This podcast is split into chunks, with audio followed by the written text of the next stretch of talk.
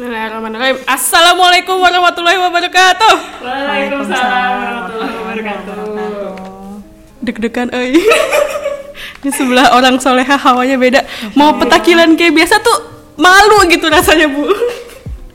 ya, di sebelah saya apa? Oh, mohon maaf. Bersemangat. Eh, di sebelah kananku sudah ada pembicara kita kali ini siapa lagi? Tidak lain tidak bukan adalah Teh Karina Hakman. Wuh. Aduh, malu. Insya Allah kalau Ini btw keteduhannya jauh sekali. Aduh, mohon maaf ya. Ini kayak jomplang gitu loh, cuy. Maaf ya. Teh, langsung aja nih. Iya boleh. Teh sibuk apa teh? Basa-basi dulu. Iya ala-ala. Perkenalan dulu. Iya teh. Teh, teh, iya teh Karin. Assalamualaikum teh Karin. Waalaikumsalam warahmatullahi wabarakatuh Jazakillah khair ya undangannya Masya terima kasih banyak. Kita yang terima kasih Teteh Sudi mampir dan berbagi ilmu. Sibuk apa ya, Teh sekarang? Eh, Kesibukan apa ya? Biasa aja sebetulnya Kalau yang utamanya ya biasa ngurusin anak-anak eh, Suami Kalau yang lainnya aktivitasnya eh, Sekarang ini ngebina asrama Kader Surau ya Jadi penerima beasiswa dari adik-adik di UNPAD Yang dapat beasiswa dari Yayasan Baitul Mal Kemudian aktivitas lain itu biasa paling ngaji dan ngisi pengajian-pengajian. Masya Kurang Allah. lebih kayak gitu. Barakallahu fiik. Sama oh iya buat teman-teman yang belum tahu Teh Karina Hakman. Jadi Teh Karina Hakman ini eh, penggiat homeschooling ya Teh ya. Um, I think it's too much to say penggiat Okay. homeschooling. I am a homeschooler gitu kan ya. Ada ngebangun komunitas juga. Komunitas waktu itu sempat ngebangun komunitas homeschooling Robbani dari tahun 2000 2000 tahun lalu 2000 berapa ya? 2018 ya. Berarti 2018 awal yang pesertanya waktu itu membludak banget 6500 6500 but Baik, eventually but eventually I found out later on bahwa uh, ternyata uh, I'm not capable of managing those kind of stuff. Jadi homeschooling Robbani setelah semester 3 habis itu ditutup dan alih-alih meneruskan homeschooling Robbani, para peserta homeschooling Robbani itu akhirnya sama Teteh di apa ya, di endorse untuk mengikuti komunitas-komunitas yang udah ada yang Mantap. sudah lebih established daripada mereka nongkrong di komunitas itu dan kemudian tidak ter apa ya tidak terfasilitasi. Jadi sekarang si homeschooling Robbani itu sedang off dulu lah gitu. Entah nanti Allah alam kayak gimana gitu. Kita doakan yang terbaik insya Allah. Ya, jadi kalau dibilang penggiat, aduh, kayak masih jauh banget lah. suka merendah Teh Karin ini Iya. bagaimana ini aduh. Teh Karin ini lama di luar juga, jadi Iya. nggak hanya mencicipi dakwah Indonesia, tapi sudah melanglang buana ke mana aja Teh? Australia dan New Zealand ya Teh. Monash, mohon maaf ya, Gilang kemarin komen alumni Monash dikira dua alumni 212 212 ya teman-teman. Monash. Alumni Monash. Australia. Kan Oh, Monash. Monas. Mohon maaf, mohon dimaafkan Oh, teman-teman ya. yang seperti itu ya, aduh Teh. Oh, pas santai aja. Oh iya, Teh Karim ini juga penulis dari buku Bumi Hijrah, Iya, teman-teman. Bumi Hijrah ini nyeritain apa ya? Perjalanan perjalanan hidup. Dari Nggak, em, apa namanya, masya Allah ya, eh, kalian tetap mendapatkan itu karena di biodata biodata biasanya kalau ngisi-ngisi acara penulis bumi hijrah itu sudah apa ya, udah terhapus gitu. oh, Merendah sekali. kita Allah. baca bukunya. Mungkin calon penulis kali ya, karena kalau buku pertama yang cetakan pertama kemarin itu, itu sebenarnya nggak sengaja apa terbit gitu. Kita bisa dengar. Em, Iya, soalnya Teteh tuh agak-agak segan untuk mengaku sebagai penulis di Bumi Hijrah itu karena eh, Bumi Hijrah itu adalah buku yang cetakan pertama kemarin ya, buku yang kemudian dicetaknya itu bisa dibilang kayak tidak direncanakan gitu. Jadi eh, buku itu lebih tepatnya adalah curhatan Teh Karin sendiri untuk Teh Karin sendiri, untuk bahan muhasabah sendiri gitu kan ya. Nah, eh, harap-harapnya moga-moga nanti ada edisi kedua yang itu beneran jadi buku yang kemudian bisa moga-moga bisa bermanfaat buat orang.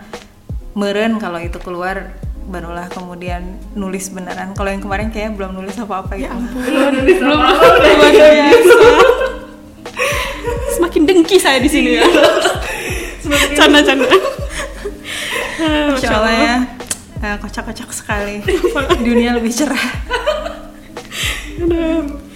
Nah teh, jadi eh, banyak kita menampung suara-suara hati Jeritan Jeritan. netizen, aktivis dakwah. nih aktivis dakwah di luar sana yang katanya bilang gimana kalau kita tuh kaburomaktan kaburomaktan itu sendiri maksudnya gimana sih kak kak Jadi eh, kalian pasti pernah baca surat As-Saff ayat 2 sampai 3. Di situ tuh Allah tuh nggak suka iya iya Ayo lanjut.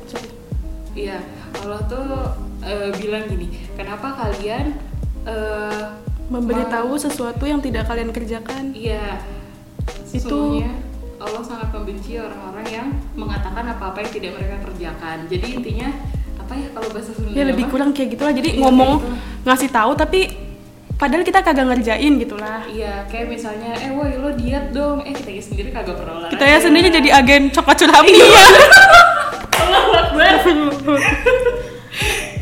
coklat curah amnianya teh silakan kalau mau dicoba Oh, coklat apa coklat curah amnia Oh. kenapa sih jadi Baru tahu. Iya Oke. kayak gitu. Atau kayak misalnya kita jadi nauzubillah ya, kita jadi motivator nih. Kita nyuruh orang lain, ayo semangat mengerjakan tugas. Eh tapi kita sendiri ngerjain tugasnya ditunda-tunda lah, Iya.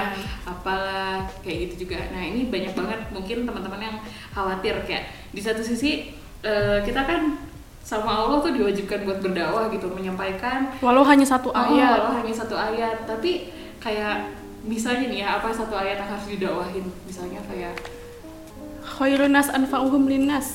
Sebaik itu bukan ayat tapi cuy itu hadis. Ini ayat-ayat dong. Ya, ayat. Eh, misalnya kita mendakwahkan orang buat mencatat hutang misalnya. Tuh Al-Baqarah 282 Wih. yang paling panjang di Quran. Tapi kita yang sendiri kalau ngutang sama orang kagak pernah dicatat. Eh boy pinjem 2000 dong pinjem 2000 dong. Habis itu besok kan putihkan ya boy putihkan. Iya, kayak begitu. Nah itu contohnya kayak begitu.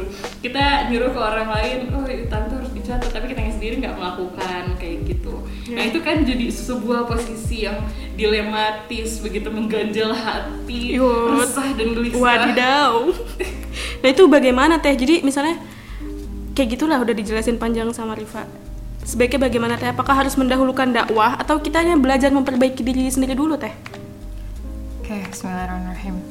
Um, sebetulnya apa ya? Kalau buat teteh pribadi, maksudnya dari apa yang teteh coba pahami karena teteh kan bukan ustazah ya.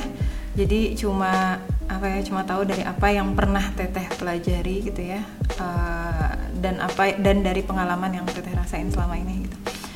Sebenarnya kalau buat uh, teh Karin pribadi, uh, yang namanya perintah dakwah dengan perintah memperbaiki diri itu adalah dua hal yang berbeda tapi saling du- mendukung satu sama lain gitu ya dan kalaulah gitu ya kita harus menunggu semua orang harus menunggu dirinya untuk sempurna baru kemudian menyeru di jalan Allah maka niscaya tidak ada lagi orang yang akan menyeru di jalan Allah gitu.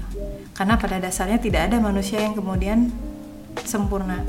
Makanya kalau misalnya kita lihat di Quran surat As-Saff karena kan tadi bacanya eh, Quran surat As-Saff ya yang diambil dari Kaburo Maktan itu ya. Kalau kita lanjutkan ayatnya gitu ya salah satu balasan yang kemudian Allah berikan kepada hamba-hambanya yang kemudian mau menyeru di jalannya mau berjuang di jalannya yaitu di situ di ayat 12-nya Teteh coba bacain dari ayat eh, 10-nya ya. Di sini Allah berfirman yang artinya, "Wahai orang-orang yang beriman, maukah kamu aku tunjukkan suatu perdagangan yang dapat menyelamatkan kamu dari azab yang pedih, yaitu kamu beriman kepada Allah dan Rasul-Nya dan berjihad di jalan Allah dengan harta dan jiwamu. Itulah yang lebih baik bagi kamu jika kamu mengetahui. Niscaya Allah mengampuni dosa-dosamu dan memasukkan kamu ke dalam surga yang mengalir di bawahnya sungai-sungai dan ke tempat tinggal yang baik di dalam surga Aden. Itulah yang itulah kemenangan yang agung. Nah, dari tiga ayat ini saja gitu ya, kita memahami bahwa ternyata memang hamba-hambanya Allah yang kemudian berjihad di jalan Allah itu memang akan melakukan dosa juga gitu. Masih ada dosa.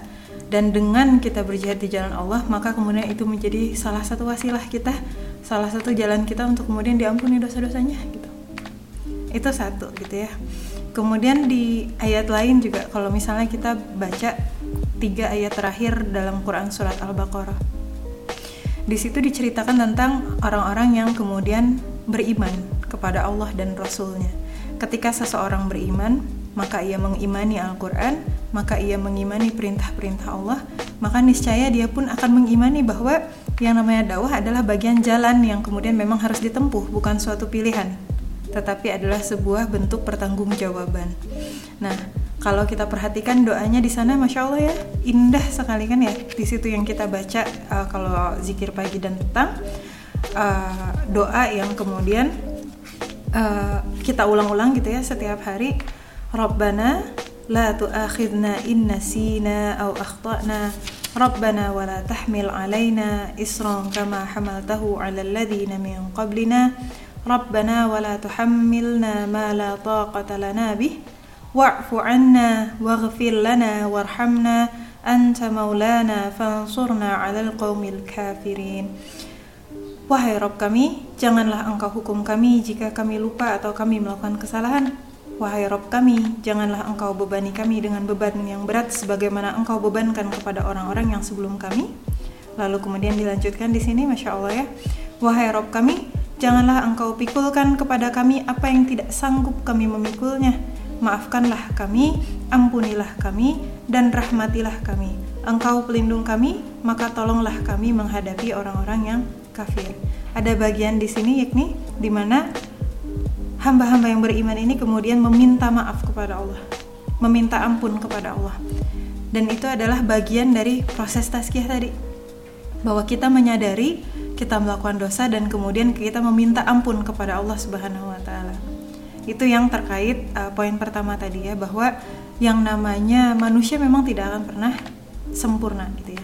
Nah, poin yang kedua adalah sejauh yang teh kalian pahamin sampai saat ini gitu ya. Dari siroh-sirohnya Rasulullah SAW dari kisah-kisah orang beriman.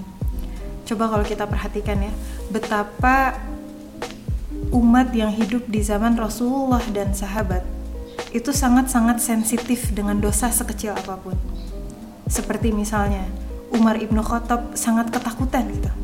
Kalaulah misalnya ada hewan ternak atau hewan peliharaan siapa yang kemudian kakinya kemudian terluka gara-gara fasilitas dalam tanda petik negaranya tidak memberikan fasilitas yang terbaik gitu loh sehingga mencelakai gitu.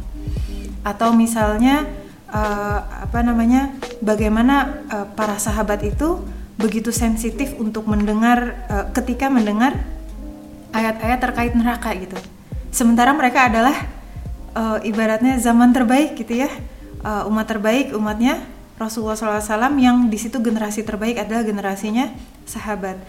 Nah, kok bisa ya orang yang uh, para sahabat yang kemudian memiliki iman begitu tinggi, bahkan sebagian dari mereka kemudian sudah sebagian beberapa dari mereka sudah dijamin masuk surga, tapi kemudian masih begitu takut kepada Allah Subhanahu wa taala, masih begitu sangat-sangat takut untuk melakukan dosa. Karena sebetulnya sejatinya semakin kita dekat sama Allah, semakin kita mempelajari ilmu Allah, semakin kita belajar tentang Islam, maka kita akan semakin sensitif dengan dosa itu sendiri. Maka taraf dosa kita itu akan senantiasa bertambah. Yang awalnya misalnya kita awal-awal baru belajar Islam, kita ngerasanya bahwa oh, udah selesai urusan kita kalau kita pakai jilbab ternyata setelah pakai jilbab ada lagi gitu kan ya. Oh ternyata setelah pakai jilbab ada lagi yang harus dibersihkan. Yaitu misalnya berhenti dari pacaran misalnya. Nanti berhenti dari pacaran ada lagi. Kemudian oh ternyata harus meninggalkan perbuatan yang sia-sia. Oh nanti dari situ nambah lagi. Oh ternyata harus tilawah Quran. Setelah tilawah Quran oh ternyata nanti harus tadabur. Nanti setelah tadabur oh kemudian harus belajar harus menghafalkan harus mengajarkan. Oh kemudian dalam mengajarkan pun ada tata cara. Begitu saja terus sehingga sudah menjadi nature seorang dai sebetulnya gitu ya. Ketika kita dengan ikhlas mempelajari ilmu Allah maka kita pun akan semakin menemukan titik-titik kotor di dalam hati kita. Semakin kita menemukan titik-titik kotor di dalam hati kita maka semakin kita akan merasa diri kita tuh berdosa. Semakin kita merasa diri kita untuk itu semakin banyak dosanya maka kita kemudian akan semakin banyak beristighfar kepada Allah. Kalaulah ketika seseorang merasa berdosa kemudian dia dia tidak mau berdakwah, maka semakin seseorang berilmu semakin dia tidak mau menyeru di jalan Allah. Lalu siapa lagi yang akan menyeru di jalan Allah? Maka uh, ada dua hal yang berbeda di sini antara memperbaiki diri sendiri yang itu secara kontinu memang harus terus gitu ya memperbaiki diri sendiri di sisi yang lain kemudian secara kontinu pula menyampaikan kepada orang lain semampunya yang ternyata tanpa disadari kedua hal ini akan selalu uh, menjadi sebab akibat semakin kita dekat sama Allah semakin kita memiliki sesuatu yang kemudian bisa kita bagikan kepada orang lain. Semakin kita membagikan sesuatu kepada orang lain maka uh, kita pun akan semakin bersemangat untuk memperbaiki diri sendiri gitu ya. Tapi gitu ya ada uh, salah satu yang kemudian kalau buat Teh Karin tuh menjadi poin utama dari keseluruhan proses ini supaya proses ini bisa berjalan dengan lancar yaitu bagaimana kemudian uh, baik dalam proses memperbaiki diri sendiri baik dalam proses kemudian menyampaikan kepada orang lain dalam proses dakwah itu sendiri satu hal yang dijaga yaitu adalah kemurnian niat kesucian niat kita kepada Allah Subhanahu wa taala yaitu betul-betul semata-mata hanya untuk mencari ridho Allah Subhanahu wa taala gitu. Karena yang tadi di recite adalah Quran surat As-Saff ya. Quran surat As-Saff itu merangkum tiga jenis apa ya orang-orang yang ikhlas dalam berjuang di jalan Allah.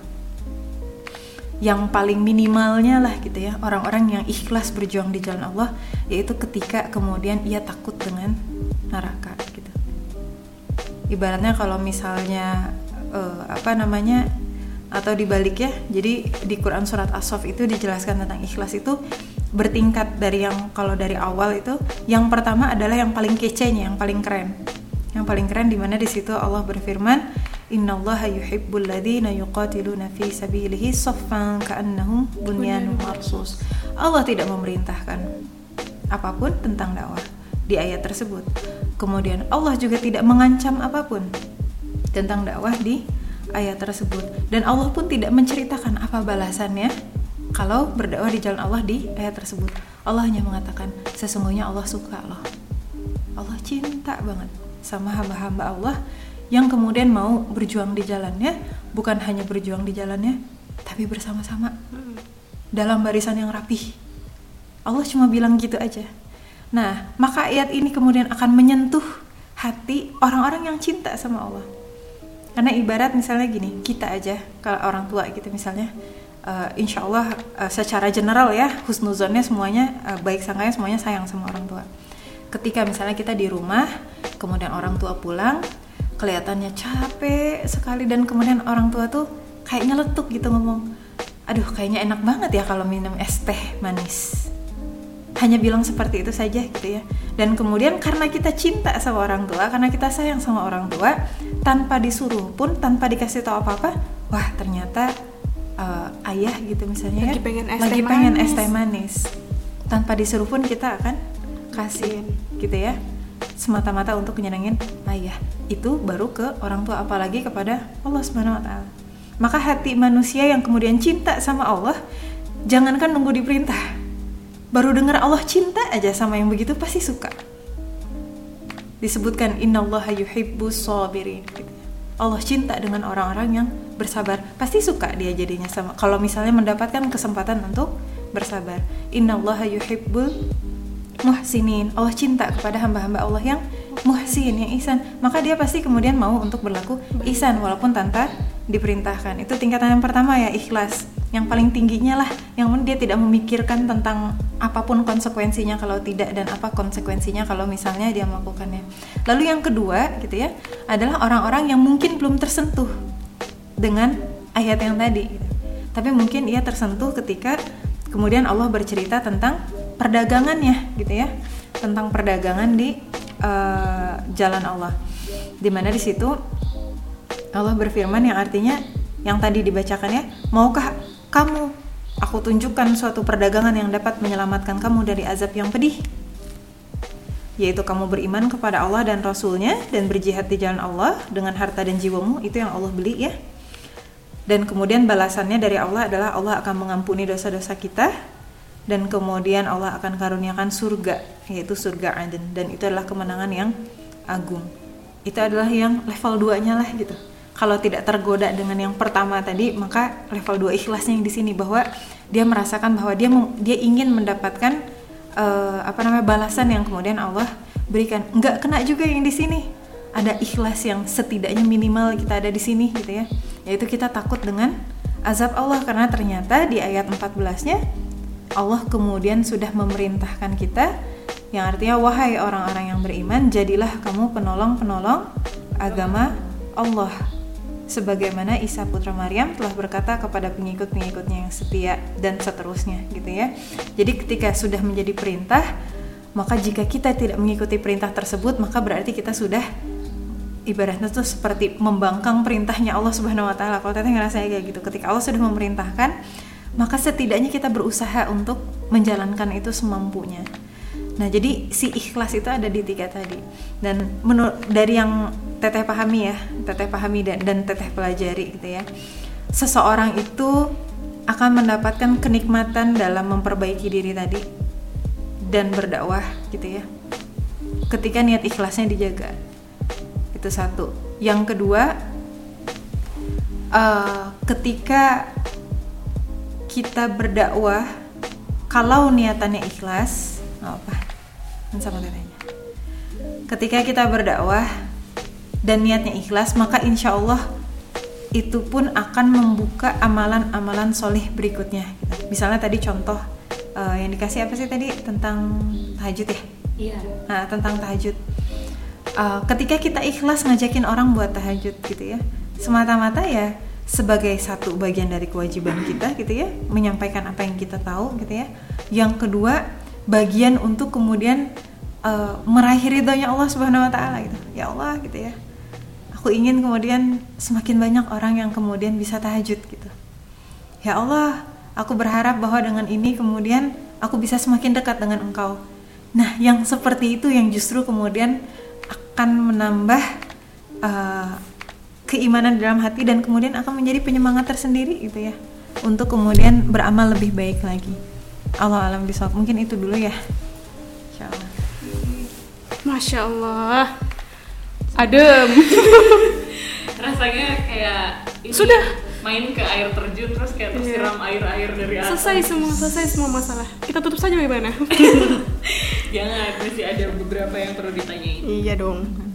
Lanjut nih teh.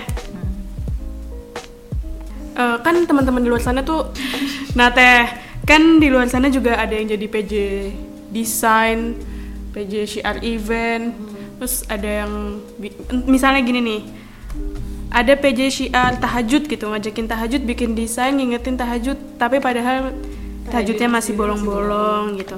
Atau ngajak infak tapi padahal sendiri juga masalahnya di situ gitu. Atau apalagi ya? Ya tadi sih. Yang bingung gini loh kalau misalnya dia jadi PJ nih, dia disuruh bikin poster, poster buat ngajak infak, tapi dia sendiri nggak punya uang buat infak gitu. nah atau kayak gitu ya. Jadi bukan Ah, karena kemauan bukan dia karena misalnya. mau, tapi karena nggak bisa misalnya. Nggak ada banget nih nol banget gitu ceritanya. Waduh.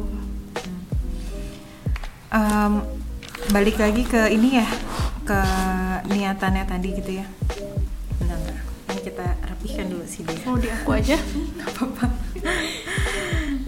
Kamu cepet banget tidurnya. Kangen Kenapa umi. kangen umi ya? Nggak ada bau umi di sana.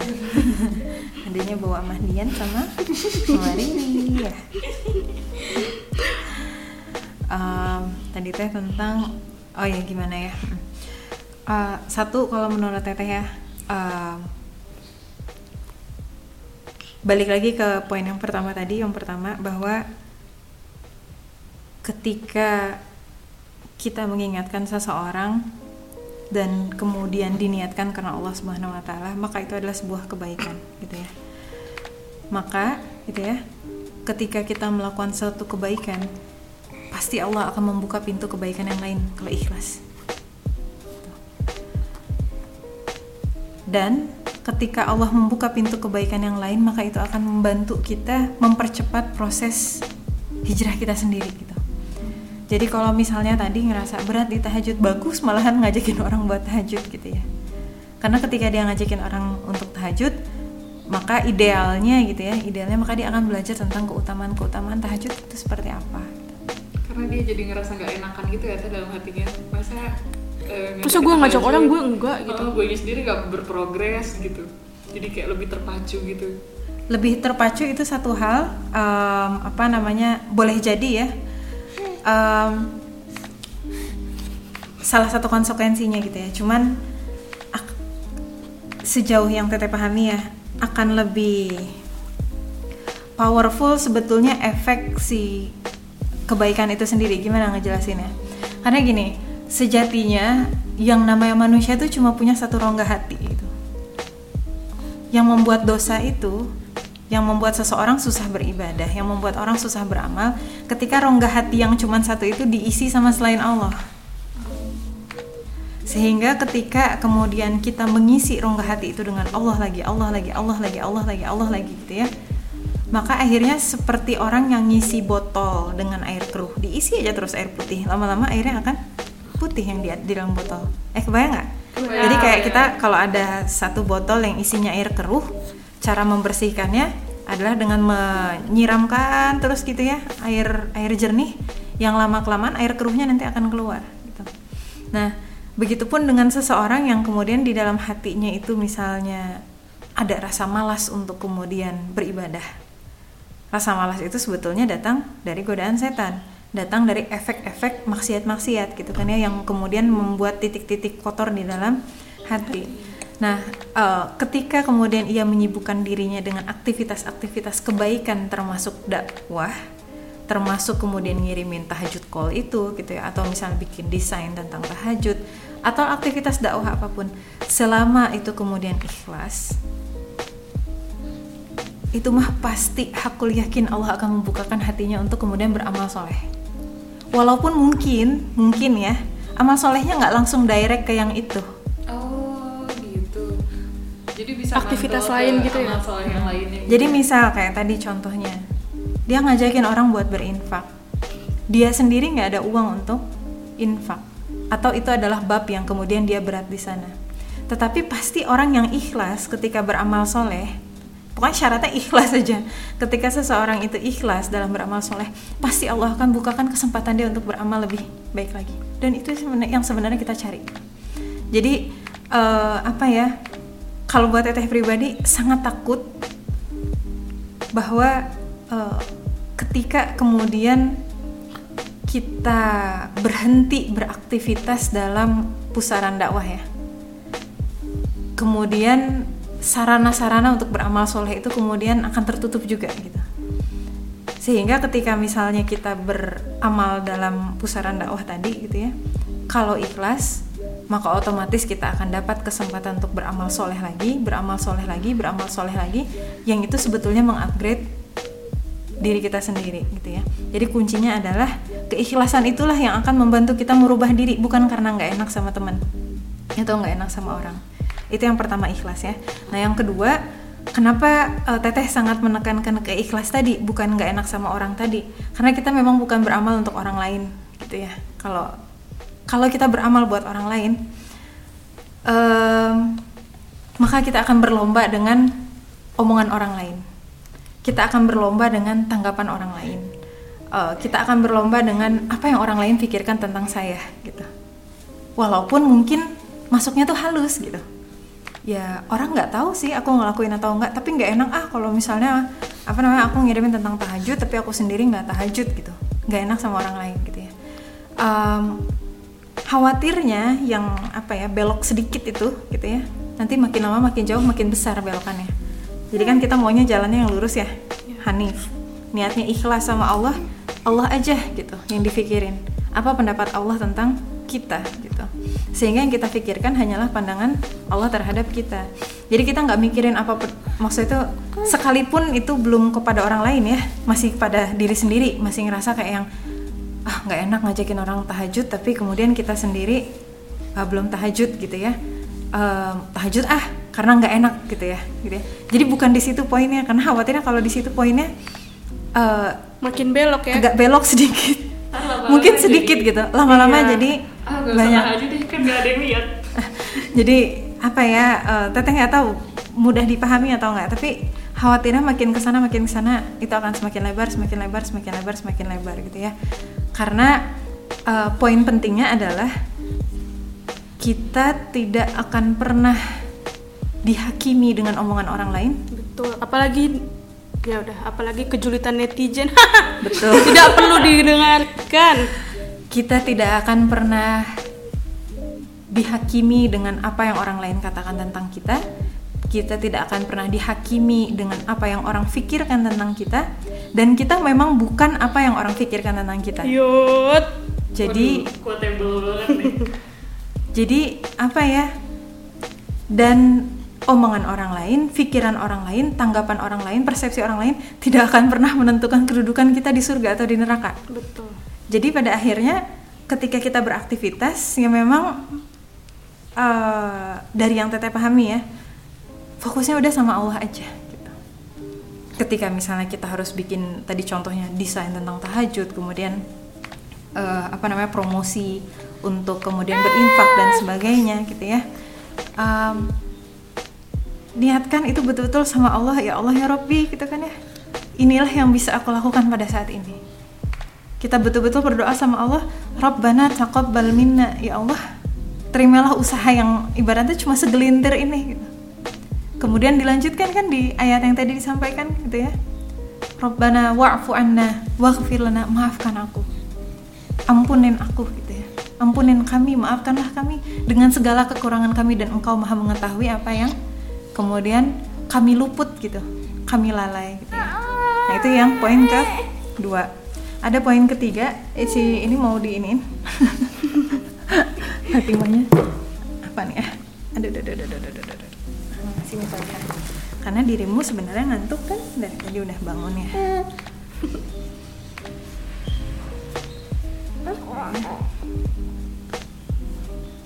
Ayo mana? Mana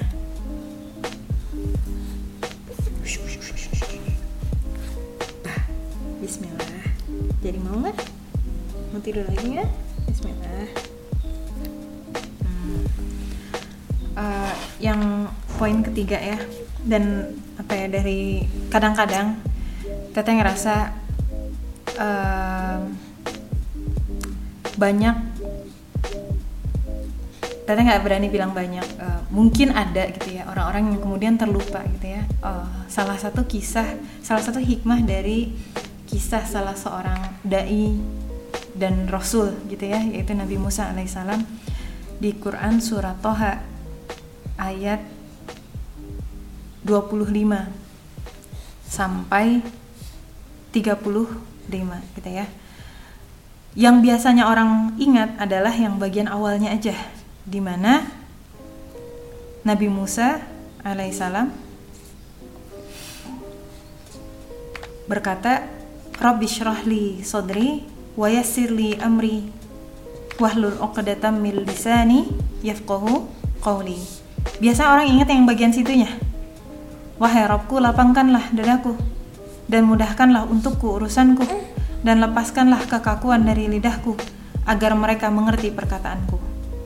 Biasanya sampai di sana.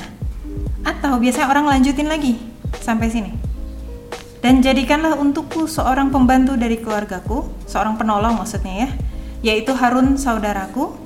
Teguhkanlah kekuatanku dengan adanya dia, dan jadikanlah dia teman dalam urusanku. Nah, biasanya suka sampai sini akhirnya dibahasnya bahwa kemudian Nabi Musa alaihissalam membutuhkan rekan seperjuangan untuk kemudian membantu urusan-urusannya.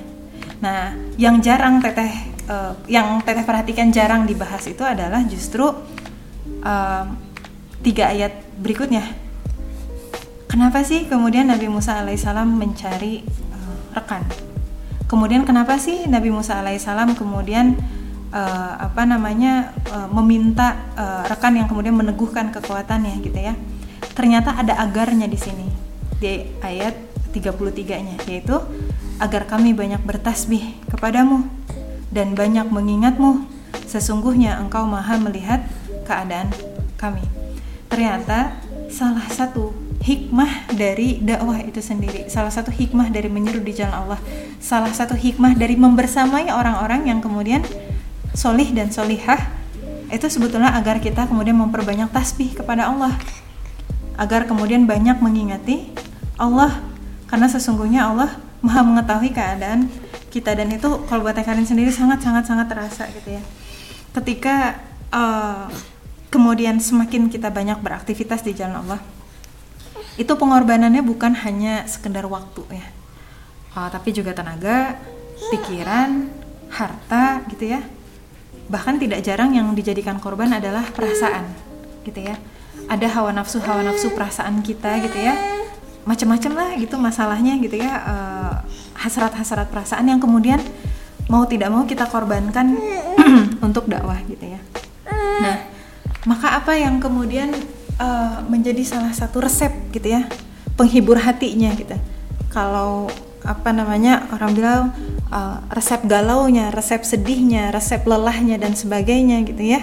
Dan kita sama-sama tahu dalam salah satu ayat yang mungkin insya Allah udah pada tahu juga bahwa Allah tatmainnal qulub illa bidzikrillah bahwa tidak akanlah hati itu kemudian menjadi tenang kecuali dengan mengingati Allah Subhanahu wa taala.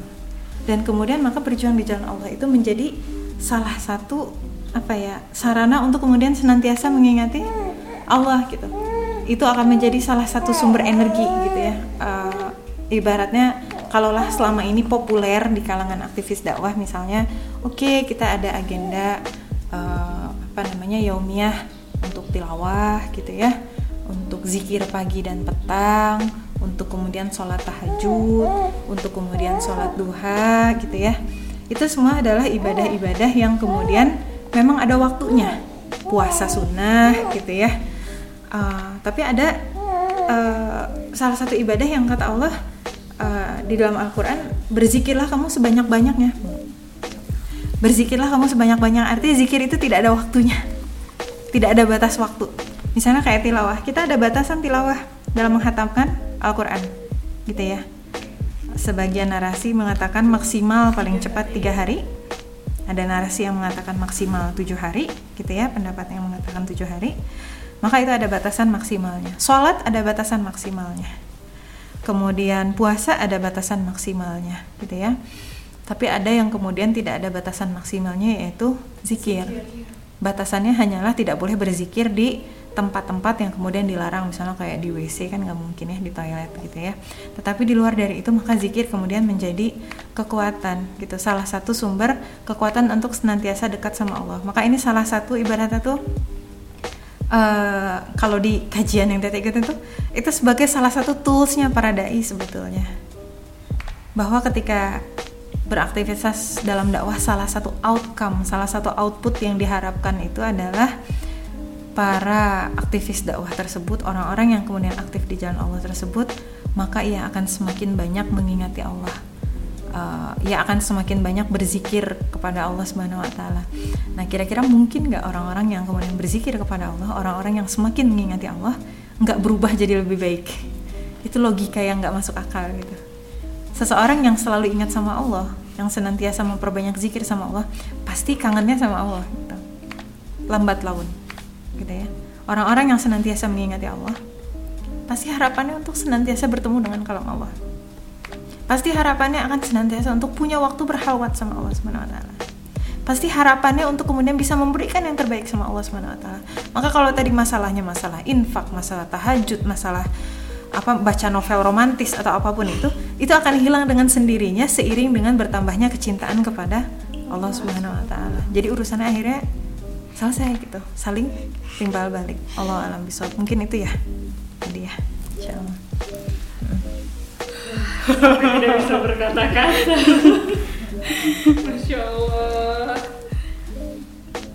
Berarti tadi kuncinya ikhlas dan hanya Allah yang jadi tujuan ya teh ya Ikhlas Kemudian apa namanya uh, Yang apa Ikhlas itu tadi ha, Sama yang tools tadi ya Maksudnya selain dari amalan-amalan yaumiyah itu Baiknya di Apa ya Untuk generasi sekarang di bukan dibudayakan tapi kemudian dimarakan kembali salah satu bab terkait zikir itu gitu ya. Zikir bagi dai itu sudah seperti makanan uh, asupan seperti minuman mungkin. Kalau makanan mungkin sesekala tapi kalau minuman itu adalah uh, apa ya satu kebutuhan yang kalau kita nggak minum kan haus ya ya gitu maka seperti itu juga dengan zikrullah gitu karena aktivis dakwah itu aktivitasnya banyak Uh, dan begitu banyaknya aktivitas yang kemudian tidak bisa dibarengi dengan tilawah. Misal kalau lagi ngedesain kan nggak bisa sambil tilawah gitu ya. Atau misalnya lagi di kampus ngurusin acara dan sebagainya kan nggak bisa sambil sholat tahajud gitu. Uh, mungkin bisa sambil puasa sunnah gitu ya.